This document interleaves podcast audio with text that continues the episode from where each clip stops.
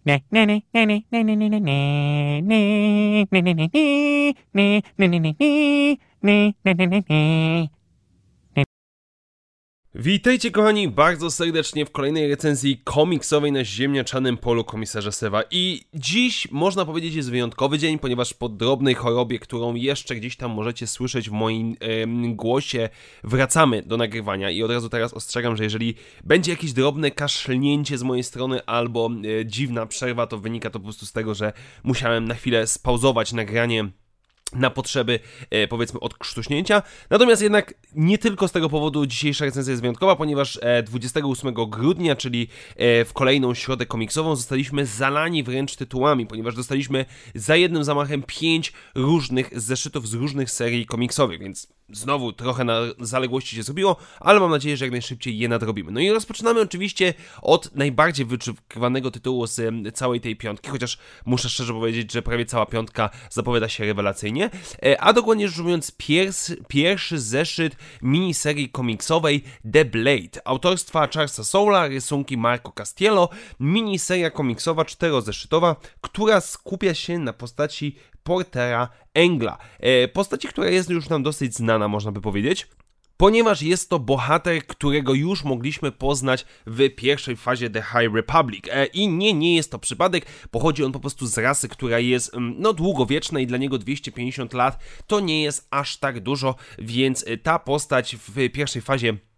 Poznaliśmy ją jako już starego, doświadczonego mistrza Jedi, tutaj poznajemy go jako rycerza Jedi i nie tylko. No i cała, cała historia rozpoczyna się na planecie Boneworld, gdzie e, nasz rycerz Jedi wraz ze swoją, jak on to sam nazywa, swoją siostrą Barash Sylvain e, przybywają w lokalnej miejscowości, społeczności, mają za chwilę się stamtąd e, powiedzmy zabierać, kiedy natrafiają na drobną sprzeczkę lokalnych mieszkańców, y, którzy kłócą się między sobą o e, zasoby naturalne, które są jedyną cenną rzeczą na danej planecie. No i nasz e, porter prezentuje swoje umiejętności rozwiązywania problemów lokalnych w iście, można powiedzieć, westernowy sposób, ponieważ kiedy przeciwnicy zaczynają do niego strzelać, on odbija strzały z blastera w ten sposób, żeby przebić i e, wszystkie wiszące w powietrzu za pomocą mocy karty do Sabaka, co oczywiście skutecznie odstrasza naszych przeciwników, jego rywali, można powiedzieć. No i jest to nawiązanie stricte westernowe do strzelania przez karty na dzikim zachodzie. No i kiedy nasza ekipa, powiedzmy, wybywa z planety i, i leci dalej poszukiwać e, swojego dalszego zadania, widzimy pewnego rodzaju retrospekcję, gdzie przekonujemy się, że e, Porter i e, Barasz to nie jest rodzeństwo w żaden sposób, tylko są to, można powiedzieć, przyjaciele od dzieciństwa, od e, okresu bycia e, małymi uczniakami w zakonie Jedi. Widać już było wtedy, że różnią się oni dosyć znacząco między sobą. No i znów wracamy do teraźniejszości, gdzie nasza dwójka bohaterów przyjmuje zadanie na planecie Gansevor, gdzie musi pomóc rozwiązać y, konflikt między dwoma miastami, gdzie jedno z nich jest oblegane przez armię drugiego. Zabierają się oni z ekipą grupą Pathfinderów i rycerzy Jedi. Oczywiście jeden z rycerzy Jedi, kiedy tylko dowiaduje się, że ma do czynienia ze słynnym porterem, e, wyzywa go na pojedynek, w którym to nasz bohater pokazuje dosyć mocno i wyraźnie, dlaczego jest uznawany za jednego z najlepszych szermierzy, jak nie najlepszych w szeregach zakonu Jedi. No i nasza ekipa ostatecznie e, do, dolatuje na miejsce i zostaje, że tak powiem, na jakiś czas odcięta od cywilizacji, ponieważ mimo, że ta planeta jest zamieszkała, posiada powiedzmy cywilizację, to nie ma za bardzo na niej żadnego kontaktu, bo jest to takie odludzie. No i teraz będziemy obserwować, jak nasz duet będzie starał się rozwiązać lokalne problemy tamtejszej społeczności, która jest wciągnięta w wojnę. I powiem wam tak, um, nie to, nie miałem żadnych oczekiwań,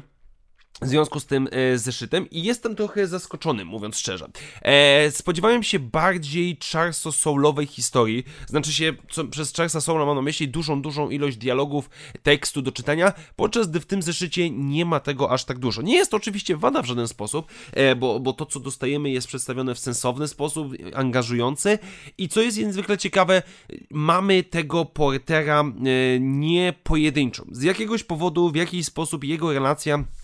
z jego siostrą, czy powiedzmy z tą Barasz, jest enigmatyczna i jest tajemnicza, jest intrygująca. Widać, że oni są pewnego rodzaju przeciwieństwami, że uzupełniają się w jakiś sposób um, i sama Barasz jest, można powiedzieć, odludkiem i bardziej specjalistką od mocy, podczas gdy Porter jest tym nie tyle cwaniakiem, bo nie można tego tak powiedzieć, tylko tym specjalistą od miecza świetnego. No i sama misja zapowiada się z jednej strony ciężko negocjacyjnie, ale z drugiej strony też jako powiedzmy um, wyzwanie właśnie militarne, czy też też powiedzmy e, konfliktowe dla naszego głównego bohatera. Jest krótko rzecz ujmując intrygująco, chociaż nie mogę powiedzieć, że jakoś bardzo niesamowicie i że nie mogę powiedzmy doczekać się następnego zeszytu niesamowicie. Z drugiej jednak strony jest on zaskakująco przyjemnie narysowany. Nie mamy bowiem do czynienia z